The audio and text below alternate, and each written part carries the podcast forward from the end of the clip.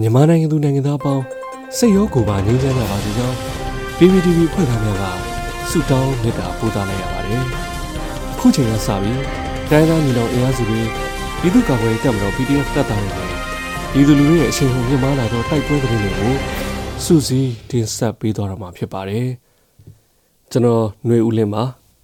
ပထမဦးစွာပခုတ်ကူတန့်ကြီးတောင်နဲ့ပခုတ်ကူမြိုင်နယ်ဆက်ရှိကျေးရွာများကို ထိုးစစ်ဆင်နေသောစစ်တပ်စစ်ကြောင်းများတိုက်ခတ်ခံရပြီးစစ်သား6ဦးသေဆုံးတဲ့တဲ့ရင်ကိုတင်ဆက်ပါမယ်။မကွေးတိုင်းပခုတ်ကူခရိုင် AR မြစ်အနောက်ဘက်ရှိတန့်ချီတောင်ကိုစစ်ကြောင်းထိုးလာသောအကြမ်းဖက်စစ်တပ်အင်အား80ပါစစ်ကြောင်းကိုမေလ22ရက်နေ့နနက်9:00နာရီခန့်တွင်ဒေသကာကွယ်တပ်များကပြစ်ခတ်တိုက်ခတ်ခဲ့ပြီးစစ်သား2ဦးသေဆုံးကြောင်း MCKCDF တပ်ဖွဲ့ထံမှသိရှိရပါသည်။ အဆိုပါတိုက်ခိုက်မှုကိုမြစ်ချေကျွန်းချောင်းပြည်သူ့ကာကွယ်တပ်ဖွဲ့ MCKCDF နဲ့စိတ်ဖြူမြောက်ပိုင်းပြည်သူ့ကာကွယ်တပ်ဖွဲ့ NSP တို့ကပူးပေါင်းတိုက်ခိုက်ခဲ့ခြင်းဖြစ်ပြီးစစ်သား2ဦးသေဆုံးက20ဦးထိခိုက်ဒဏ်ရာရရှိခဲ့ပြီးကာကွယ်ရေးရဲဘော်2ဦးလည်းဒဏ်ရာရရှိခဲ့ကြောင်း MCKCDF တပ်ဖွဲ့ကထုတ်ပြန်ထားတာပါ။ အလားတူပခုတ်ကူမြို့နယ်မြောက်ပိုင်းနဲ့မြိုင်မြို့နယ်အရှိတောင်ပိုင်းရှိကျေးရွာများသို့စစ်ကြောင်းထိုးလာသောအကြမ်းဖက်စစ်တပ်ကိုဒေသခံကာကွယ်တပ်ဖွဲ့များကမေလ22ရက်နေ့တွင်ပြစ်ခတ်တိုက်ခတ်ခဲ့ပြီးစစ်သား၄ဦးသေဆုံးခဲ့ကြောင်းကျေးလက်ဒေသပျောက်ကြားတပ်ဖွဲ့မြိုင်ထံမှသိရှိရပါသည်အကြမ်းဖက်စစ်တပ်စစ်ကြောင်းကိုကျေးလက်ဒေသပျောက်ကြားတပ်ဖွဲ့မြိုင်ပခုတ်ကူမြို့ပြပျောက်ကြားတပ်ဖွဲ့ PUGF နန်းသာမြိုင်တပ်ဖွဲ့တမာမြေပျောက်ကြားတပ်ဖွဲ့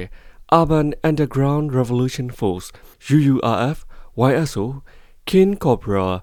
PPDF PKU နဲ့မဟာမိတ်တပ်ဖွဲ့များစုပေါင်းကလက်နက်ကြီးများအော်တိုဂန်းများဖြင့်ပစ်ခတ်တိုက်ခိုက်ခဲ့ခြင်းဖြစ်ကြောင်းသိရှိရပါတယ်။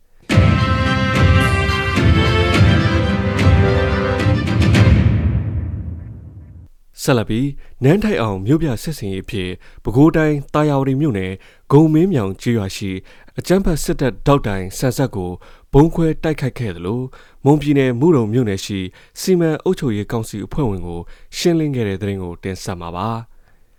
ယနေ့မေလ23ရက်နေ့မနက်3နာရီခန့်ကပဲခူးတိုင်းတာယာဝတီမြို့နယ်ဂုံမင်းမြောင်ကြီးရွာရှိအကြမ်းဖက်စစ်တပ်ခလာရ35တိုက်ရင်သို့စံရိတ်ခါများထောက်ပံ့ပေးနေသည့်စံဆက်ကိုဘုံခွဲတိုက်ခတ်ခဲ့ရာစံဆက်အတွင်းရှိအိမ်စီကားတစ်စီးနဲ့ကုန်ကားတစ်စီးထိခိုက်ပျက်စီးခဲ့တယ်လို့သိရှိရပါတယ်။ဆန်ဆက်မိုင်းခွဲမှုကြောင့်စစ်ဆေးဖို့ရောက်လာတဲ့အကြမ်းဖက်စစ်သားတွေကို ထပ်မံမိုင်းဆွဲတိုက်ခိုက်ခဲ့ရာအကြမ်းဖက်စစ်တပ်စစ်ကောင်စီတပ်ဖွဲ့ဝင်9ဦးခန့်အပြင်းထန်ဒဏ်ရာရရှိခဲ့တယ်လို့ဆိုပါတယ်။ဒီတိုက်ခိုက်မှုကို PKI PDF တပ်ရင်း3600နဲ့နဲ့တာယာဝတီ KI PDF တပ်ရင်း3800နှစ်ကနန်းထိုက်အောင်စစ်စင်ရေးအဖြစ်ပူးပေါင်းဆောင်ရွက်ခဲ့တာဖြစ်တယ်လို့ဆိုပါတယ်။ဆက်လက်ပြီးမွန်ပြည်နယ်မူတုံမြို့နယ်မှာယမနေ့မေလ22ရက်နေ့နေ့လယ်2နာရီခန့်က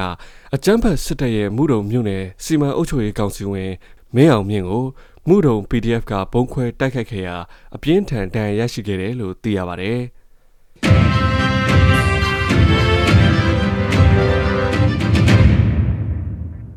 အနောက်တိုင်းစစ်ဌာနချုပ်တရှိရာရခိုင်ပြည်နယ်အမ်းမြို့နယ်တွင် မေလ22ရက်နေ့ညကတနက်တန်လက်နက်ကြီးတံများထွက်ပေါ်ခဲ့တဲ့သတင်းကိုဆက်လက်တင်ဆက်ပါမယ်။ရခိုင်ပြည်နယ်အမ်းမြို့အခြေစိုက်အကြမ်းဖက်စစ်တပ် ခမရ303တပ်ရင်းနီးပါဝင်နေရာ၄ခု၌ယမနေ့မေလ22ရက်နေ့ည10:00နာရီခန့်ကတနက်တံများလက်နက်ကြီးတံများထွက်ပေါ်ခဲ့ကြောင်းဒေသခံပြည်သူများထံမှသိရှိရပါတယ်။အဆိုပါပြစ်ခတ်တံများကိုဒေသခံပြည်သူများကမိနစ်30ခန့်ကြားခဲ့ရပြီးမြည်သည့်အဖွဲ့အစည်းများကြားပြစ်ခတ်နေသည်ကိုမသိရှိရသေးကြောင်းဒေသခံများကပြောဆိုပါတယ်။ရခိုင်တပ်တော် AA အနေနဲ့စီရေးတင်းမာခြင်းမှု ပြည်သူတွေစီရေးသတိအမြဲရှိကြဖို့ပြီးခဲ့တဲ့ရက်ပိုင်းအတွင်းထုတ်ပြန်ထားခဲ့တာပါ။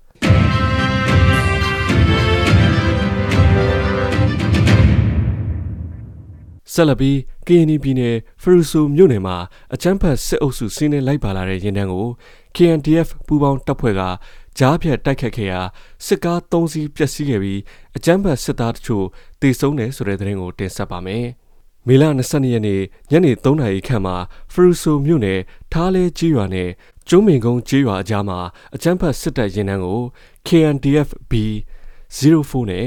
KA တို့ကကြားပြတ်တိုက်ခတ်ခဲ့ရာတိုက်ပွဲ2နာရီခန့်ဖြစ်ပွားခဲ့တယ်လို့ဆိုပါတယ်။တိုက်ပွဲအတွင်းအကြမ်းဖက်စစ်တပ်စစ်ကား၃စီးကိုဖျက်ဆီးနိုင်ခဲ့တယ်လို့အကြမ်းဖက်စစ်သားအချို့ဒဏ်ရာအပြင်းထန်ရခဲ့ပြီးတေဆုံးသူတချို့ရှိနိုင်တယ်လို့သိရပါတယ်။ တိုက်ပွဲချိန်ကြာလာတဲ့အမျှအကြမ်းဖက်စစ်တပ်ဘက်ကစစ်ကူအင်အားထပ်မံအသုံးပြုခဲ့တာကြောင့် KNDF ပူးပေါင်းတပ်ဖွဲ့ကအထိခိုက်မရှိပြန်လည်ဆုတ်ခွာနိုင်ခဲ့တယ်လို့ KNDF B04 ကသတင်းထုတ်ပြန်ထားပါတယ်။ KNY ပြည်နယ်မှာအကြမ်းဖက်စစ်တပ်နဲ့ KNDF ပူးပေါင်းတပ်ဖွဲ့ကြားတိုက်ပွဲတွေဆက်လက်ဖြစ်ပွားနေတာဖြစ်ပါတယ်။